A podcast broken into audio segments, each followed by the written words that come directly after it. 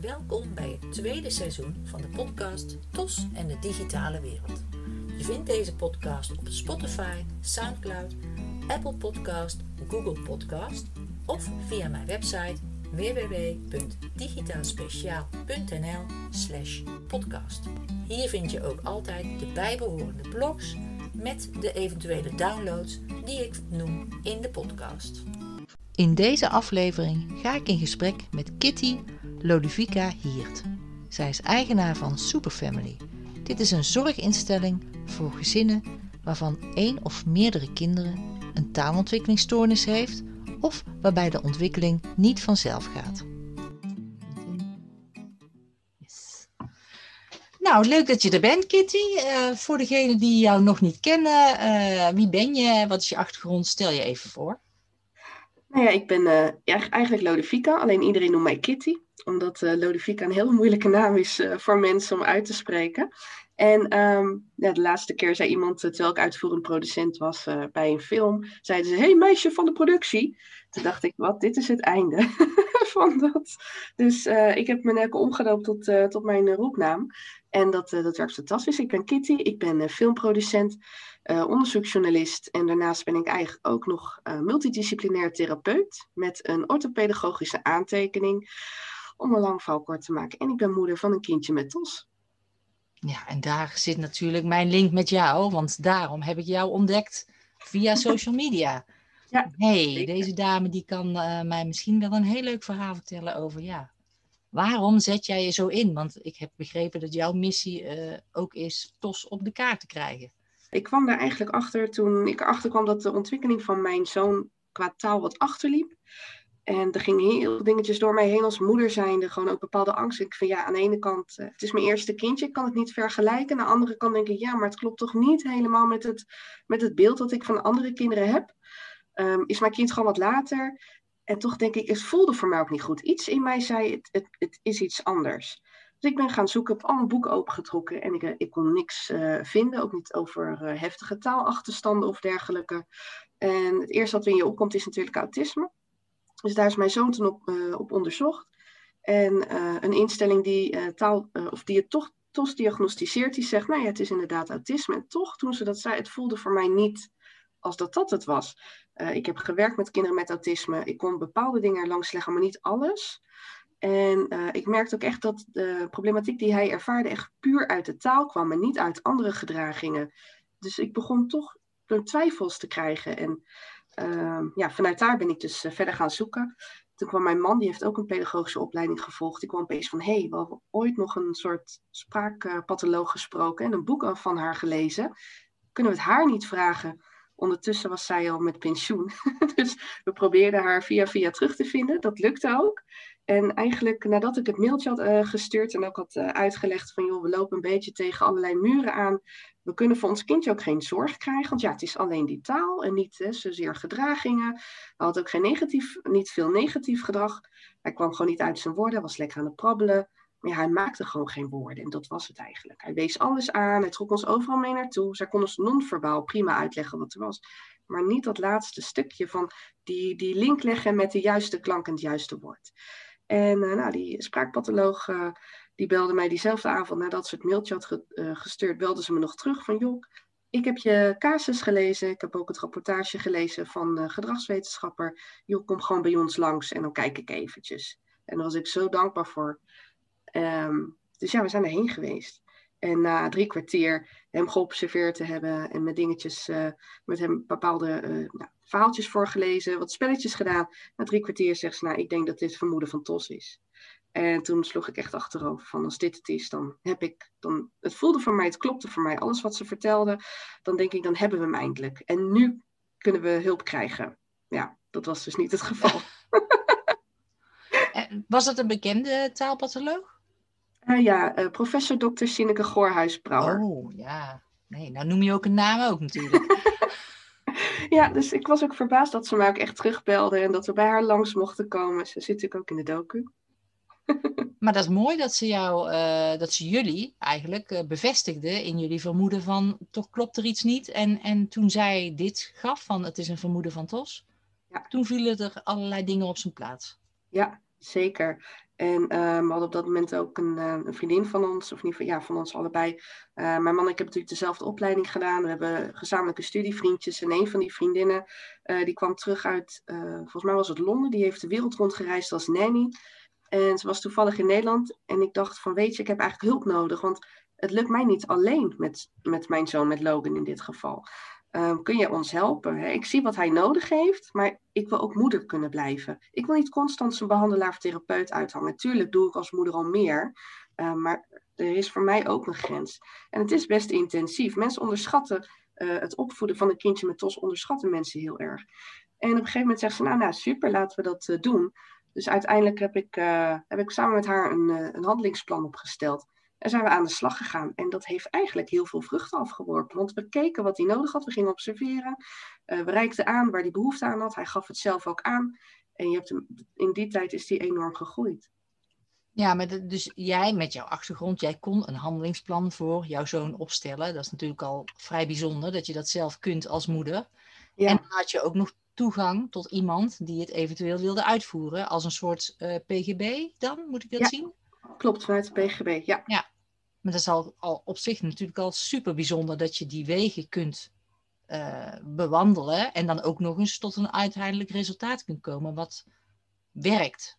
Zeker. Dat is ook eigenlijk de reden um, waarom ik vind ook dat TOS op de kaart moet komen. Dit is het hele stuk. Als TOS niet op de kaart komt, nu we zien nu wel veel meer, en dat is heel mooi om te zien, er wordt veel meer aandacht besteed. Maar heel, veel, heel lang is, is um, de kennis binnen TOS is binnen de TOS-wereld gebleven. Ja. En mensen reiken naar elkaar uit. De TOS-wereld is heel klein. Je hebt misschien 30 uh, bekende uh, onderzoekers, wetenschappers en behandelaren die uh, naar voren komen. En, en dan houdt het op. En op, bij ieder congres zie je dezelfde namen naar voren komen met dezelfde kennis. Iedere keer uh, een heel klein muizenstapje naar voren. Ja. En dat is niet voldoende. En ik weet nog wel heel goed dat ik bij Kentalis in een werkgroep zat over meertaligheid. Want wij voeden onze zoon ook meertalig op. Uh, zowel Nederlands als Engels en een klein stukje Spaanstalig. Mijn moeder woont in Spanje. En uh, we merkten eigenlijk dat, uh, dat iedere ouder die daar zat, en ook iedere logopedist of iedere professional zei: jongens, dit moet meer naar buiten, want de kinderen worden niet gezien. Als, als 7% van de kinderen dit zou hebben, of van de mensen dit zou hebben, hoe kan het dan eigenlijk zijn dat bijna niemand dit weet? Ik bedoel, we lopen de straat over, we vragen het willekeurig iemand en niemand weet over TOS, maar wel over autisme, ADD, ADHD, noem iets op. Uh, maar niet over TOS, wat toch vaker voorkomt. Dus daar begon ik een beetje ja, ik begon er eigenlijk van binnen een beetje boos over te worden. Van hoe kan het dat zo van die grote instellingen die zoveel kinderen begeleiden en behandelen, niet naar buiten treden met deze kennis? En ik weet nog dat ik een balletje opwierp van joh, is het een idee? Ik ben, uh, ik ben documentairemaker, ik ben filmmaker, ik ben producent. Is het een idee dat ik met mijn kennis vanuit de tv- en filmwereld een documentaire ga maken?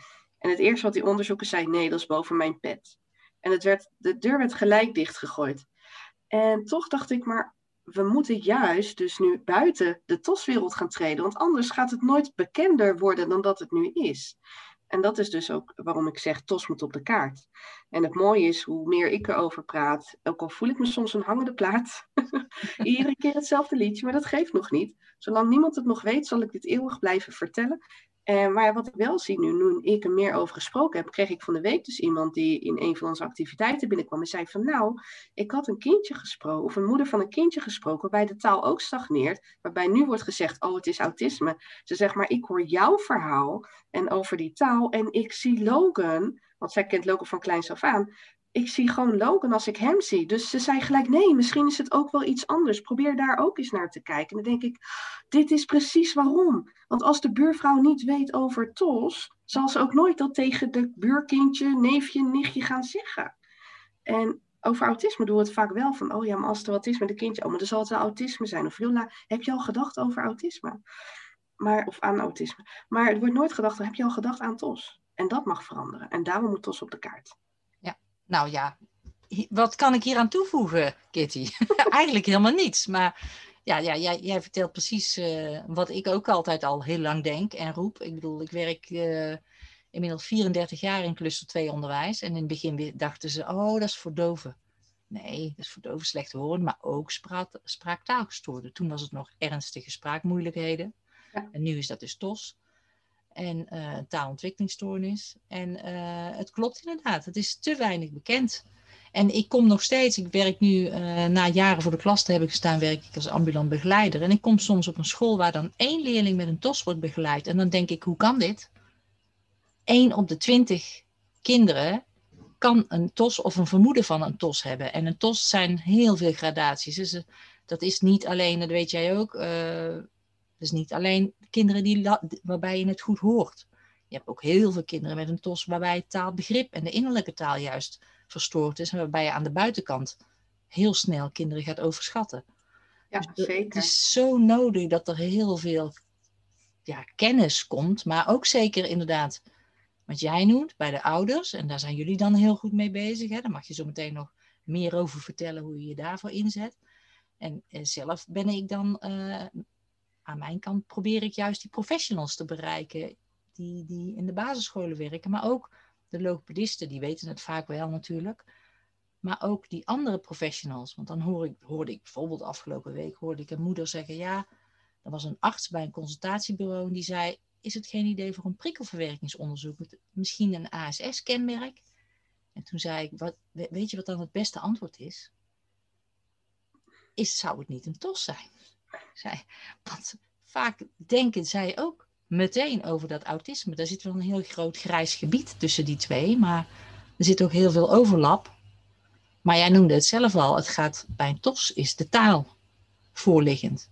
En bij autisme is de taal niet voorliggend, dan komt het uit andere dingen. Klopt. Ja, dus en Daar, daar heb ik zelfs een verhaal in, want de, spraak, of de, de arts van het CEG bij ons, de kinderarts, daar moest ik aan uitleggen wat een TOS was. Ja.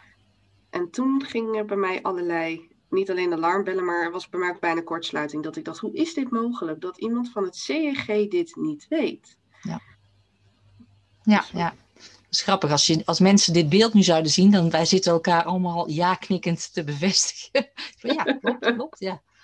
Maar vertel, jij hebt dus, uh, jouw missie is dus tos op de kaart en jij gaat eigenlijk echt een beetje op, uh, of echt, jij gaat echt de ouders tegemoet treden. Ik zag, uh, je hebt een website. Vertel, wat doe je precies? Ja, uh, vanuit Superfamily. Nou, dat is een beetje waarom ik het ook opgericht heb. Ik, ik vind persoonlijk, het is altijd een moedje geweest, maar met heel veel passie en heel veel energie.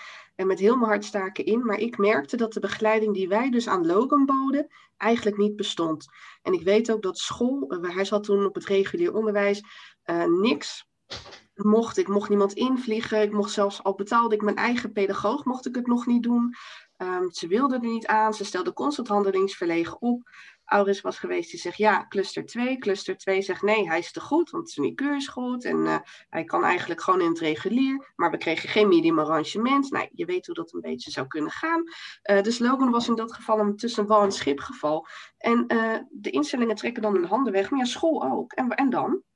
Dus ik dacht van nee, er moet iets hiervoor gebeuren. En onderweg uh, heb ik natuurlijk, ik heb inderdaad mijn PGB aangevraagd, omdat ik zag wat Logan specifiek nodig had. Ik moet wel zeggen, het was in Rotterdam en een aantal jaar geleden ging het ietsje gemakkelijker. Um, ook al was dit een strijd. Maar dat is wel waar Superfamily echt uit uh, uh, gekomen is. Omdat ik de zorgkaart heel goed leerde kennen. Ik wist opeens van wat is mijn weg als ik een PGB nodig heb. Waar lopen de wijkteams tegenaan? Waar lopen de jeugdprofessionals tegenaan? Uh, want heel vaak wordt TOS vergeleken met autisme. Ook kindjes die geen ASS-symptomen hebben worden wel op diezelfde stapel gegooid. maar de begeleiding is anders. En ook de begeleiding op sociaal-emotioneel vlak is anders. En er was nog niks op sociaal-emotioneel vlak op dat moment. Toen dacht ik, laten wij dat gewoon doen. En daar is Superfamily eigenlijk uit ontstaan. Dus de individuele begeleiding die ik voor mijn uh, zoon uh, beschikbaar gesteld had, daar zijn we een hele methode uit gaan uh, maken. En dat heet de Superheldenmethode. En daar zijn we mee aan de slag gegaan. gewoon zowel thuis als op school, met één pedagoog, op beide facetten. En dat werkt als een trein. En het mooie is dat we daar nu andere ouders ook mee kunnen helpen door ze en te, te, ondersteunen in het formuleren van de juiste hulpvragen, zodat het ook uh, begrijpelijk is voor het wijkteam. Voor de, voor, bij een heet het wijkteam, bij ander heet het jeugdteam, andere is het een jeugdcoach of een gezinscoach of een JOT, een jeugdondersteuningsteam of het WOT. Uh, overal heet het net iets anders. Volgens mij is het in Amsterdam zelfs OKT, ouder- en kindteam. Uh, dus iedere wijk en iedere regio heeft wat anders, maar dat ik de ouders daarin kan uh, ondersteunen om te formuleren van hun hulpvraag, om daarmee de juiste zorg ook te kunnen krijgen. Want er is niks belangrijkers dan de juiste zorg. Dus echt, wij, wij, wij zijn vanaf het begin al met Superfamily van we ondersteunen de ouders, maar ook het hele gezin. Dus niet alleen maar de ouders en alleen maar het kindje met TOS. Er zijn nog meer kinderen misschien in dat gezin. En die hebben ook een hulpvraag. En je ziet ook heel vaak um, dat jonge mantelzorgers in dit geval een beetje ondergesneeuwd worden. Ze passen zich overal aan, maar ze worden vergeten. Terwijl er is wetenschappelijk bewezen dat deze kinderen op latere leeftijd psychische problemen kunnen krijgen. Waarom nemen we dat kindje niet gewoon direct mee in het geheel? Want het is een gezin. En een gezin is het mooiste wat er is. Als je een mooie fundering hebt, dan kun je met elkaar kun je bouwen. Kun je, iedereen is een pilaar. En met de pilaar kun je met elkaar een nieuwe verdieping bouwen. Dan kun je op elkaar steunen en leunen. En het is helemaal niet erg als je het even niet weet of hulp wil vragen. Dat is helemaal niet erg als je maar weet wat je aan elkaar hebt. En dat kan alleen maar als je de juiste ondersteuning daarbij hebt. En dat is wat we eigenlijk bij Superfamily doen. Maar daarnaast doe ik ook naast gezinsbegeleiding en individuele begeleiding voor kindjes met TOS, doen we ook allerlei laagdrempelige activiteiten om kinderen met elkaar te verbinden, ouders met elkaar te verbinden, om te informeren. We geven speciale zwemlessen. Uh, we mogen nu zelfs met de KNZB, dus de Koninklijke Nederlandse Zwembond en de Nationale Raad Zwemveiligheid, het is echt een mondvol, uh, mogen we nu ook bijscholing geven aan instructeurs. Om, uh, dat doen we momenteel ook al, om op allerlei zwemscholen in Nederland echt die extra lessen in te kunnen vliegen. Want de ene kind met TOS is de andere niet, dat zeg jij ook al de ene heeft, uh, heeft moeite met taalbegrip, nou dan heeft, heeft hij juist hè, iets minder uh, prikkels nodig en minder taal, iets meer visuele ondersteuning, maar ook kinesthetisch. En dat is een beetje wat nu in het onderwijs vergeten wordt, het hele kinesthetisch en tactiele aspect. Um, bijvoorbeeld kinderen met ASS zijn niet zo fijn met, uh, met aanrakingen. Terwijl de meeste kinderen met alleen TOS vinden het niet erg om aangeraakt te worden. Dus bijvoorbeeld met zwemles, als je dan de handjes vastpakt van nee, deze slag die gaat zo, voelen maar eventjes. En kijk naar het kindje voor je. Nou, dan is er niks aan de hand. Volgende keer doet het kindje met TOS doet het goed. Maar ja, als zo'n vrouw langs de kant van, de, van, de, van het zwembad staat te schreeuwen en door en hand voor en buik omhoog. Ja, dat begrijpen ze niet. Dus dus op die manier zijn wij daar anders op uh, ingegaan. Hebben we ook weer een methodiek opgeschreven. En nu mogen we die bijscholing geven. Dus Superfamily is eigenlijk gewoon alles wat um, niet talig is op het TOS-aspect. Dat pakken wij op en ondersteunen wij op sociaal-emotioneel vlak, op activiteiten en ook zeker op sport, omdat we zien dat daar gewoon nog te weinig voor is. Zo, nou, het is een heel verhaal inderdaad. Ja, ik had uh, al natuurlijk al op de website gekeken van Superfamily. Want het is superfamily.nl, hè? Ja, klopt. En de Amerikaanse site is superfamilyonline.com. Nou, ja. Maar um, jullie werken dus ook, wat jij uh, jullie helpen ook meertalig, uh, of ouders die meertalig opvoeden, hè? Daar, ja, daar hebben jullie ook een link mee, hè? Dus ja. even voor de, voor de luisteraars die denken, het duizelt mij. Superfamily is dus jullie bedrijf. Jullie eh, helpen uh, op heel veel verschillende vlakken gezinnen waar een, waar een kind zit met een TOS. En dan focussen jullie op het hele gezin. Dat klopt, en ja. alles wat TOS gerelateerd is, maar ook eh, daar weer een beetje aan vastzit. Maar uh, het hele gezin, andere kinderen, uh, mantelzorgers, wat je al zei. Ja. dat, maar dat kan dus, ja, dus het kan helemaal, uh, eigenlijk in een heel netwerk kan dat uitbreiden tot aan de zwemles, tot aan de sportclub, tot aan voedingsproblemen, tot aan... Ja, zeker. Onderwijs. Dat is heel veel. En ja. uh, waarom was dat er nou nog niet? Want je denkt toch logischerwijs van, nou ja, je hebt toch huisartsen, je hebt uh, Auris, waar ik zelf voor werk als ambulant begeleider, die kunnen toch ja. ook expertise bieden. Waarom zijn jullie, waarom heb jij zo die drang om daar nog tussen te gaan zitten?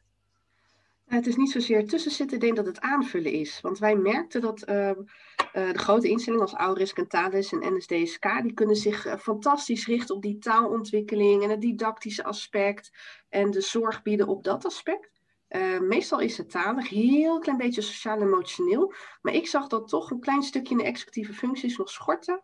Maar ook de hulpvraag van ouders. Bijvoorbeeld, ouders hebben een vraag, krijgen dan een, een, cursus of een ondersteuningsstukje. Maar iedere fase groeit het kind mee. En iedere fase komt het kindje weer in een nieuwe fase terecht. En dan wordt bijvoorbeeld de begeleiding opgeschort. Of een, een ouder heeft een opvoedingsvraag. Maar dat is niet zozeer wat ze aan diegene, aan die ambulante begeleider of zo kunnen vertellen of kunnen vragen. En door op een andere manier in dat gezin te gaan staan, misschien op een iets lichtere manier, ik vind taaltherapeutische basis best zwaar ook. Het zijn best intensieve trajecten. Ik zie het ook echt aan mijn zoon. Die, uh, als die eenmaal bij de logopedist is geweest, of hè, heeft van, Kentale, of, van ouders heeft hij een arrangement gehad, merkt hij dat het heel intensief wordt. Was het helpt zeker, maar het is heel erg intensief. wij zitten op een heel ander aspect. We zitten vooral op de kwaliteit, want wij zien niet zozeer de belemmeringen waar wij keihard aan werken. Wij zien vooral vanuit de kwaliteit, omdat wij ook ervaren dat sommige kinderen in ontwikkeling gewoon achterlopen. En wat, wat mijn ervaring is, en vertel me echt Mariet als ik het verkeerd heb hoor. Uh, jij zit er langer in dan ik. Uh, maar ik merk dat kinderen met TOS over het algemeen um, zeker een jaar tot anderhalf jaar qua kalenderleeftijd uh, van regulier iets achterlopen. Waardoor ook de, de hersenrijpheid van deze kinderen ietsjes anders is. En je ziet dus ook dat deze kinderen door hele andere leefprocessen gaan dan een kindje, gemiddeld kindje van zes. kunnen wij vergelijken met dat het kindje nog naar de, de, de, onderbouw, uh, gaat, uh, de onderbouw moet gaan, zeg maar, of naar de middenbouw moet gaan. En um, daar hebben wij eigenlijk die ondersteuning op, op opgepast. En wij, wij zagen dat die andere instellingen dat nog niet gedaan hadden. En DSK doet het nu al meer. Die zijn uh, afgelopen jaar heel erg gaan draaien en gaan, gaan doen. Dat vind ik ontzettend tof om te zien. En ook zeker na het promoveren van Nultje van de Benen zie je wel heel veel verschuiving komen, wat echt prachtig is. Ja. Ik bedoel, dat is wat we willen. Dit is de, de, het is een wervelwind hè, waar we in zitten. Eerst was er nog heel weinig en opeens komen er allerlei mensen uit. En opeens komen er allemaal uh, dingen als paddenstoelen uit de grond. Eindelijk begint het uh, te lopen. Maar ja, ik zeg het is aanvullen, want het werd nog niet gedaan. En um, ik zie ook, hè, de capaciteit is ook niet om alles op te pakken. Je, je, je kan niet iedereen helpen en dat geeft ook niet. Ik zie ook dat bijvoorbeeld Auris heeft momenteel een wachtlijst van 10 maanden. Wij hebben geen wachtlijst. En in die tussentijd dat ze op de wachtlijst staan, hebben ze nog steeds die hulpvragen. Dus wij vullen aan wat wij nu al kunnen doen. Nu de ouders al tips geven over, joh, stel dat het zo is. We zien het inderdaad, hè, observatie, we zien het gebeuren. Um, ja, als het zo is, heb ik hier alvast wat tools voor je waar je mee aan de slag kan. En met de logopedist erbij. Joh, wat kunnen we nu schakelen? Wat kunnen we de ouders nu al meegeven, zodat die achterstand er niet gaat komen en ook bij de ouder die onzekerheid daar niet gaat zitten? Want tien maanden op een wachtlijst, dat is gewoon, dat biedt niet alleen maar, dat biedt ook stress en onzekerheid binnen een gezin en dat wil je niet. Dus ik zie het niet als ertussen, ik zie het echt puur als een aanvulling van. We helpen elkaar. Ah, als je het zo vertelt, dan is het inderdaad een aanvulling. En ik herken het ook heel erg, want wanneer ik als ambulant begeleider een, uh, een leerling ondersteun, dan kom ik vooral voor dat systeem binnen school. En de vragen van ouders kan ik meenemen, maar daar kan ik in principe qua tijd ook heel weinig mee. Ik mag er dan of kan één keer op huisbezoek. En dat ligt natuurlijk helemaal aan jezelf of je dat vaker doet dan of het nodig is. Dan doe ik dat ook. Maar dat zit niet echt in ons pakket. En je hebt gelijk, dat is de laatste twee, drie jaar sinds Neeltje van Bedem dat ook inderdaad dat onderzoek heeft gedaan. En waarschijnlijk ook wel het nieuwe boek hebben gelezen, Taal in het kwadraat. Ja, zeker. Eh, daar komt dit natuurlijk heel erg in naar voren. En eh, daar zijn jullie dan inderdaad een prachtige aanvulling op. Er zijn natuurlijk heel veel uh, luisteraars nu die werken als ambulant begeleider of als professional in het cluster 2 onderwijs. Die kunnen altijd zeggen van, nou ja, als je daar op dat stukje, op dat vlak, vragen krijgt van ouders, verwijs ze eens door naar Superfamily. Ja, wij krijgen ook heel veel vragen uit cluster 4, waar bijvoorbeeld cluster 2 niet meer mogelijk is. Uh, van joh, we lopen echt nu vast, arrangementen vervallen, wat kunnen we nog meer doen? Ook die mensen helpen we ook. Ik bedoel, uh, alle tussenwandschipgevallen vangen wij gewoon op, want het kan niet dat er geen zorg voor deze kinderen is. En samen bekijken we dan wat is er wel mogelijk. Dus dat is echt mijn, mijn uitgangspunt altijd. Nou, prachtig uitgangspunt, denk ik. Ja, dus jullie zijn eigenlijk een beetje de aanvulling op het onderwijsvlak uh, voor TOS en voor alles eromheen. En uh, voor de ouder die denkt, ja maar hoe kan dit? Jullie helpen ook voor gewoon vragen van, goh, hoe zit het? Wat kan ik bij jullie vinden? Hoe gaat dat dan in zijn werk en hoe loopt dat dan? Ja, zeker. Ja, we doen intakes en consulten. We doen ook observatie. Gewoon eventjes van, ik weet het niet meer. Gewoon een paar tips. Helemaal prima. Ja hoor. Nou, Goed om te weten. um, en dan is er natuurlijk, waarom ik jou uh, heb ontdekt op social media, het filmproject. Ja. en ja, ik, uh, mijn, mijn specialiteit is TOS en uh, het digitale stukje. Ik ben altijd op zoek naar digitale hulpmiddelen, tools, apps, ICT-dingetjes. Om juist die talenten van die TOS-leerlingen naar boven te halen, omdat het ook vaak visuele ondersteuning is. Nou, jullie maken een film en hoe is dat gekomen dat je die film ging maken? Ja, dat is wel een leuk verhaal. Uh, ik ben natuurlijk zelf ook uh, filmmaker, of in ieder geval, ik ben uh, producent. En ik denk dat iedereen een mooi verhaal in zich heeft. En het was echt mijn kracht om, om dat stukje dan uit iemand zo authentiek mogelijk te, te halen en op een hele mooie manier te vertellen. En toen begon op een gegeven moment mij te dagen dat TOS inderdaad dan niet zo heel erg bekend was. Nou, Superfamily liep al. Ik dacht, hoe kunnen we dit nou verder naar buiten brengen? Ik had een paar krantartikelen laten schrijven, ook over die superspetters, of superspetters, ja, superspetters en superhelden zwemlessen. Maar ja, dat kwam nog niet veel naar voren. Toen dacht ik, ja, ik moet toch die docu gaan maken. Het zat al een beetje in mijn hoofd. Met mijn uitvoerend producent gaan zitten van jongens, welke weg gaan we op? Dus ik had een storyboard geschreven. Um, met oog op, ik ga iemand uit de vroegbehandeling volgen. Ik ga iemand uh, op, de, op de regulier onderwijs met ondersteuning. Ik ga iemand op tussen twee volgen. En ik ga kijken hoe die ontwikkeling gaat. En dan ga ik dat een langere tijd volgen. En ook iemand die dan naar de middelbare school gaat. Ik ga ouders vragen. En toen dacht ik, ja, dat is allemaal leuk. Maar waar zit nou het verhaal hierin? Hè? Wat is de leidraad? De leidraad is TOS, maar dat is voor de buitenwereld niet bekend. Dan kun je honderd films maken, maar dan, er is een bepaalde verbinding nodig. En de uitvoerend producent zei op een gegeven moment, maar jouw verhaal raakt mij. Want dat is waarom ik meedoe aan deze docu. Jouw eigen verhaal. Hoe jij moest strijden om die begeleiding te krijgen. Hoe jij moest strijden omdat Logan een TOS had. En als het TOS is, of een vermoeden van, als er alleen TOS is, ja, dan kom je niet bij het wijkteam in aanmerking voor begeleiding. Want dat kan ouders doen. Je ouders zeggen nee, dat doen wij niet. Eh, want uh, het is een tussenvalschipgeval. Ja, op een gegeven moment dacht ik van, nou weet je, we moeten hier toch iets mee. Dus ik ben erover na gaan denken. Ik denk, ja, ik hou niet zo van in de picture staan eigenlijk. Ik, uh, ik sta liever achter de camera. Ben niet voor niets producent en ik schrijf heel graag. Maar ik ga niet zelf in, voor de camera zeker mijn zoon niet. En op een gegeven moment ben ik met mijn gezin over gaan praten. Het begon me te dagen ja, misschien is het wel nodig, want het is wel een verhaal wat verteld moet worden. En um, vanuit daar ben ik dus uh, nou ja, mijn man gaan vragen, want die is nog het meest kritische van allemaal.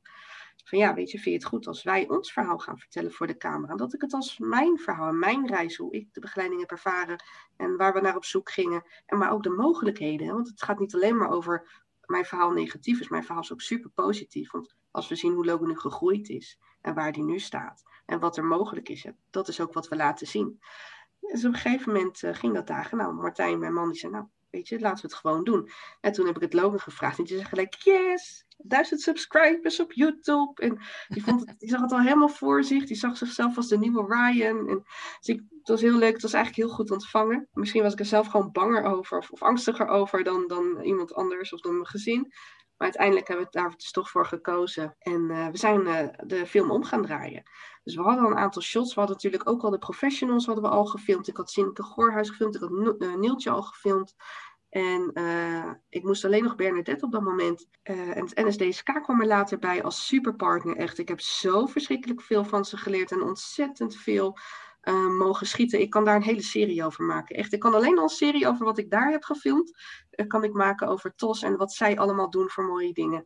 Dus ja, daar ben ik ontzettend blij mee. Maar ja, toen moest ik het nog om gaan draaien. Dus ik ben eigenlijk in de loop der tijd mijn eigen camera op ons gaan richten als gezin. Ook gewoon mijn mobiele telefoon, kleine stukjes, maar voornamelijk ook mijn eigen camera. En ik ben ook de minder leuke dingen gaan filmen. Van wanneer is Logan nou gefrustreerd en wat gebeurt er dan precies met hem? En wanneer word ik nou boos? Want ik word ook echt wel boos. Ik bedoel, ik ben nog steeds moeder. En ondanks dat we best wel veel geduld hebben, haalt hij soms ook echt nou ja, bloed onder mijn nagels vandaan met bepaalde momenten. En dat, natuurlijk bedoelt hij dat niet zo, maar we blijven mens. En dat hele aspect denk ik dat dat juist heel belangrijk is om te laten zien voor mensen dat, um, dat wij ook maar ouder zijn en het herkenning kan geven. Want ik denk dat de herkenning altijd het punt is wat mensen verbindt dat is ook wat jou verbindt, bijvoorbeeld om naar mij te gaan zoeken, is het stukje herkenning van, oh, maar zij zet zich ook in met een, een bepaald idee. Oh, ze, het, ze heeft dezelfde missie, laat ik eens kijken wat dat is. En dat zorgt voor die verbinding. Uh, dus ik ben dat gaan filmen en daar is dit eigenlijk uitgekomen. Hartstikke mooi, ja. ja. En die, uh, die documentaire, uh, als je de, de, voor de luisteraars die het niet hebben gevolgd, daar heb je een actie voor opgezet om geld ervoor in te verzamelen. En nu is de deadline bereikt, op dit moment, ja. uh, nu wij dit opnemen? Ja, het is gesloten. Uh, gisteren om 12 uur was het over. En we zijn geëindigd met 9.695 euro. Wow. Dus dat was, ja, wauw. We hebben daar vandaag taart op gegeten en uh, we hebben het gevierd. En nou, ik was zo blij. Het is gek ja. om te voelen, maar we zijn al drie jaar met deze docu bezig. En ik heb al mijn geld zelf geïnvesteerd in de docu. Voor het laatste beetje hadden we het nodig. Want vergeet niet, een film maken kost gewoon ontzettend veel geld en heel veel tijd. Ja. En dat laatste beetje, ja, dat, dat was voor mij gewoon de druppel naar en 40 dagen campagne voeren. En ook gewoon nog dat we eindelijk dat doel bereikt hadden. Nou, ik was zo dankbaar. En de planning is nu Wereldtosdag, hè? Ja, première, ja. Dus elk jaar, maar dit jaar wordt die extra mooi omdat jouw documentaire live gaat. En wat ben je er allemaal mee van plan? Ja, nou, uh, dat is heel erg leuk. Want naast dat ik, uh, ik ga screeners doen van tevoren nog. Dus nu gaan we eigenlijk het. Uh, ik ga eerst een week vakantie vieren na dit. Dit is ook echt mijn laatste afspraak voor een week vakantie. Ehm, ik heb mijn agenda dichtgegooid. Dat doe, heb ik al jaren niet meer gedaan. En ik ga niks doen. Maar daarna, als ik terugkom en um, het geld is er, dan ga ik dus de editor bellen en de animator bellen. En dan gaan we als een mannen gaan we aan de montagetafel zitten. Deze hele zomer sluit ik mij met mijn team op om, uh, om, de, film te maken. Op monteren, dat is eigenlijk, daar valt of staat de hele film mee. En we zijn gezegend met een eindredacteur, um, Floor Komen, dus een hele bekende documentaire uh, eindredacteur. En deze zomer gaan we dus keihard aan werken.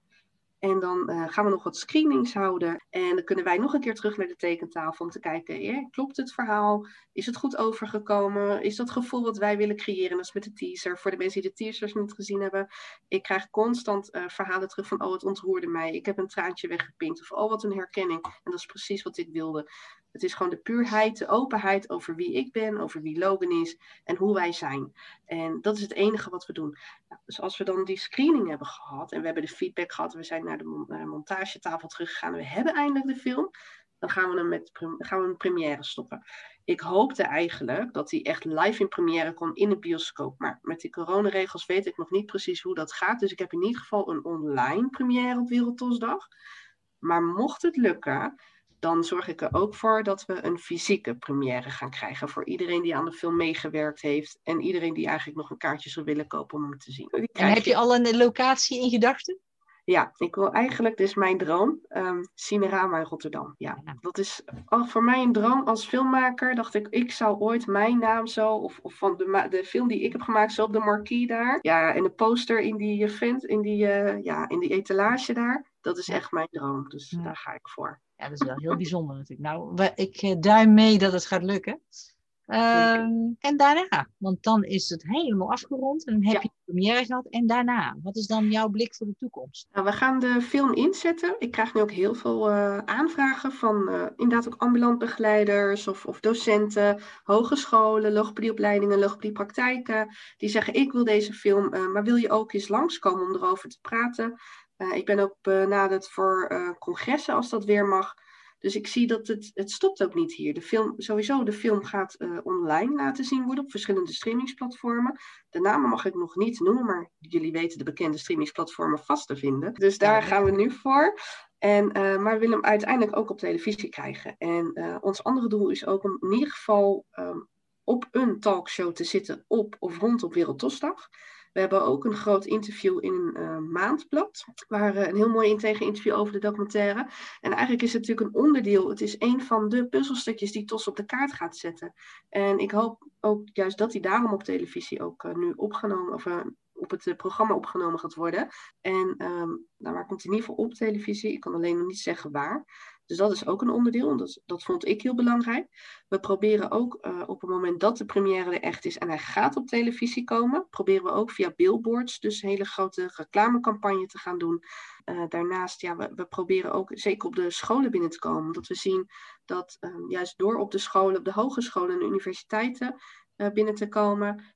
Daar zijn de beginnende mensen die aan de, aan de ik zeg altijd aan de cradle, staan aan de wieg staan van de toekomst. En het is mooi om die mensen al die kennis mee te geven op, op een iets jongere leeftijd, midden, binnen in een studie, om ze op die manier te inspireren dat ze weten waar ze het uiteindelijk voor gaan doen. Dat ze ook de herkenning gaan krijgen als ze verder in het werkveld gaan uitvliegen. En ik hoop ook met de docu dus dat we vaker dan geboekt worden voor Q&A's. Of dat ik ergens mag spreken, of dat ik hem mag laten zien. Dus het stopt echt niet bij de film is gemaakt en nou, er is gedropt en doei. Nee, nee. Het, we gaan een hele campagne daarna voeren om het op de kaart te zetten. Ja, en het is mooi dat je, hè, je zei het helemaal in het begin al, het, het komt steeds meer. Hè. Ik, ik doe het al een tijdje. Jij bent nu heel erg met TOS op de kaart. Nou, Helene Gorter heeft ook een boek geschreven, Vechten voor mijn kind met TOS. Heb ik ja. ook al een keer in de podcast gesproken.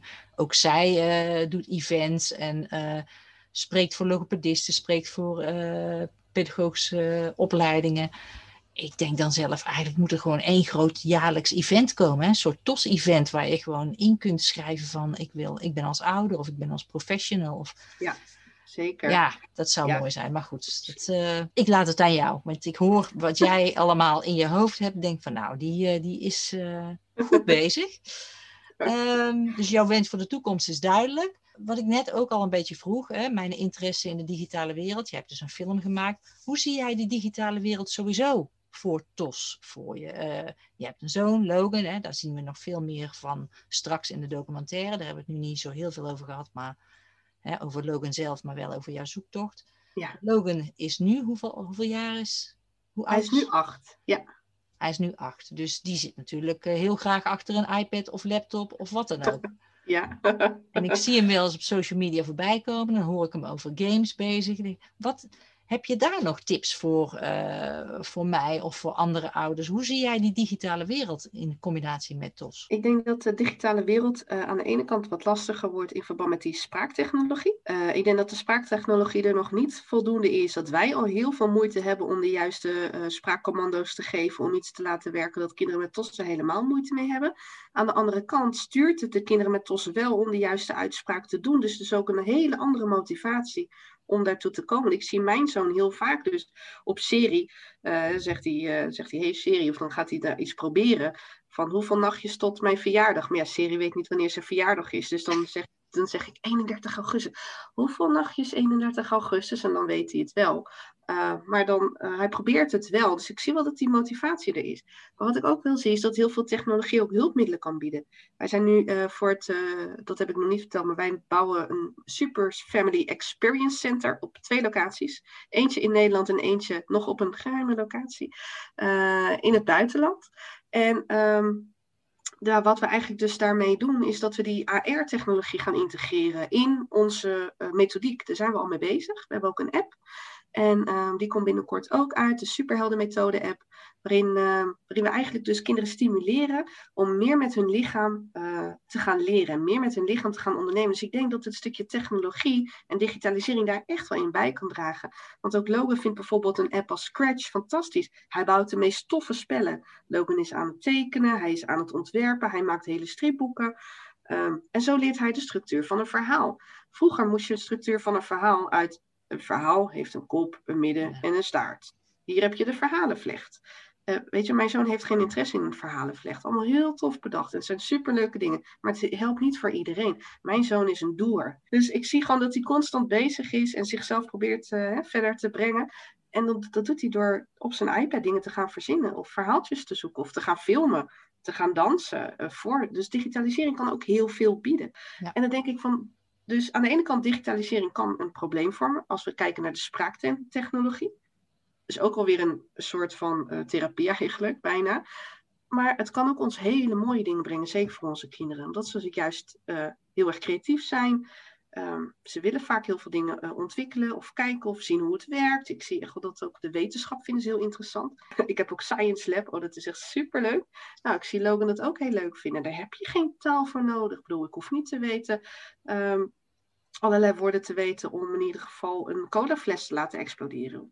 Je doet er een mentosje in en boef, gaat die. Daar heb je geen taal voor nodig. En het is ja. superleuk. Ja. Maar ja, wat gebeurt er als je er drie mentosjes in doet? Nou, kijken. En dat is wetenschap. En dan zie je ook actie-reactie op een andere manier.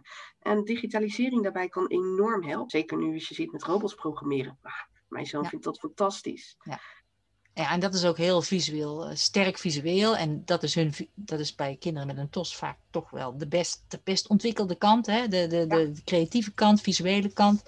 Ja. Uh, die rechter hersenhelft. Uh, daarom ben ik ook fan. En vooral van die apps en die tools waarmee je die creativiteit ontlokt. En dan probeer ik altijd wel apps te zoeken die dan ook makkelijk binnen het onderwijs toepasbaar zijn. Want dan ben je toch altijd wel aan dingen gebonden. Hè? Dus uh, ik ben bijvoorbeeld een enorm fan van de app Book Creator. Omdat ze dan zelf hun eigen verhaal helemaal kunnen maken. Een stripverhaal. En kun je helemaal inspreken of wel of niet typen of wat dan ook.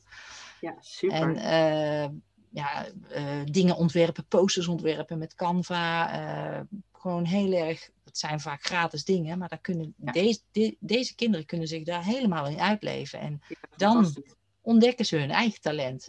Ja, en Scratch is ook gratis. En ze hebben ook een heel programma wat ook heel leuk is voor kinderen met TOS, die al iets verder zijn. Dat is mijn zoon, een jaartje of 7, 8. Is dat NASA ook een Nederlandse website heeft op de ESA. En daar hebben ze allerlei hele leuke, laagdrempelige filmpjes over ruimtevaart, over de wereld, over technieken. Um, super leuk en super interessant, ook heel leuk uitgelegd. Nou, weet je, uh, genoeg ideeën. Wij kunnen volgens mij nog een uur doorpraten, maar ik ga hem toch afronden. En dan is het nu weer tijd voor de nieuwe rubriek, het jargonwoord. Het jargonwoord is een woord wat je heel vaak tegenkomt in documenten of verslagen in de TOS-wereld, maar waarvan jij denkt als lezer: wat moet ik hiermee? Wat bedoelen ze daarmee? Ik ben benieuwd welk jargonwoord vandaag aan de beurt komt. Ik had erover nagedacht. Ik vond het best nog wel uh, lastig, omdat ik zoveel woorden voorbij zie komen. En ik had het je ook een klein beetje al verteld. Ik soms begrijp ik niet dat mensen daar vakjargon voor moeten gebruiken in een bepaald verslag. Waarom niet gewoon lekker helder uitleggen? Uh, wat ik in de onderzoeken vaak natuurlijk voorbij zie komen, is het woord performaal. En wij weten wat performaal is, maar een ouder heeft helemaal geen idee waar mensen het over hebben vaak. Um, dus performaal is het uh, woord wat ik nomineer. Ik weet niet of dat die al geval is. Hij komt super vaak voor. Ja. In ieder NPO zit hij. Uh, in bijna iedere OPP komt hij ook naar voren. En kun jij uh, in het kort uitleggen wat het is? Performaal betekent denkhandelingen of denkvaardigheden. Dus eigenlijk al het non-verbale wat je doet met je hoofd. Ja, alles wat niet uh, met taal te maken heeft, alles wat je doet met je hoofd is, ja, korter de bocht, performaal. Ja, ja klopt. Ja. Nou, goede tip. Bedankt voor dit uh, leuke jargonwoord. Weer eentje op de lijst. Uh, ik wil jou ook bedanken voor dit interview en uh, voor jouw hele inspirerende verhaal. Ik denk dat er uh, heel veel mensen toch gaan kijken op jouw website van Superfamily. En ik weet in ieder geval dat er heel veel mensen uitkijken naar de docu. En Zeker. Ik ben er super benieuwd naar. En als die live straks geshowd mag worden, dan, nou, dan wil ik wel een kaartje natuurlijk. Dus ik hou de site in de gaten. Super, ja, dankjewel voor je tijd. En heel leuk dat ik hier aan uh, deel mocht nemen, zo in jouw podcast. Het was altijd een beetje ook een soort van droom van mij. Dat ik jou zo zie en zo bezig zie. Heel tof om te doen. En uh, ik hoop op een volgende keer. Nou ja, wat mij betreft ben je altijd welkom. Als je, als je nieuws hebt, mag je altijd langskomen. En uh, nou ja, bedankt voor dit gesprek. En ik wens je in ieder geval een fijne vakantieweek. Dankjewel. En jij fijn weekend alvast. Ja, dankjewel. doei doei.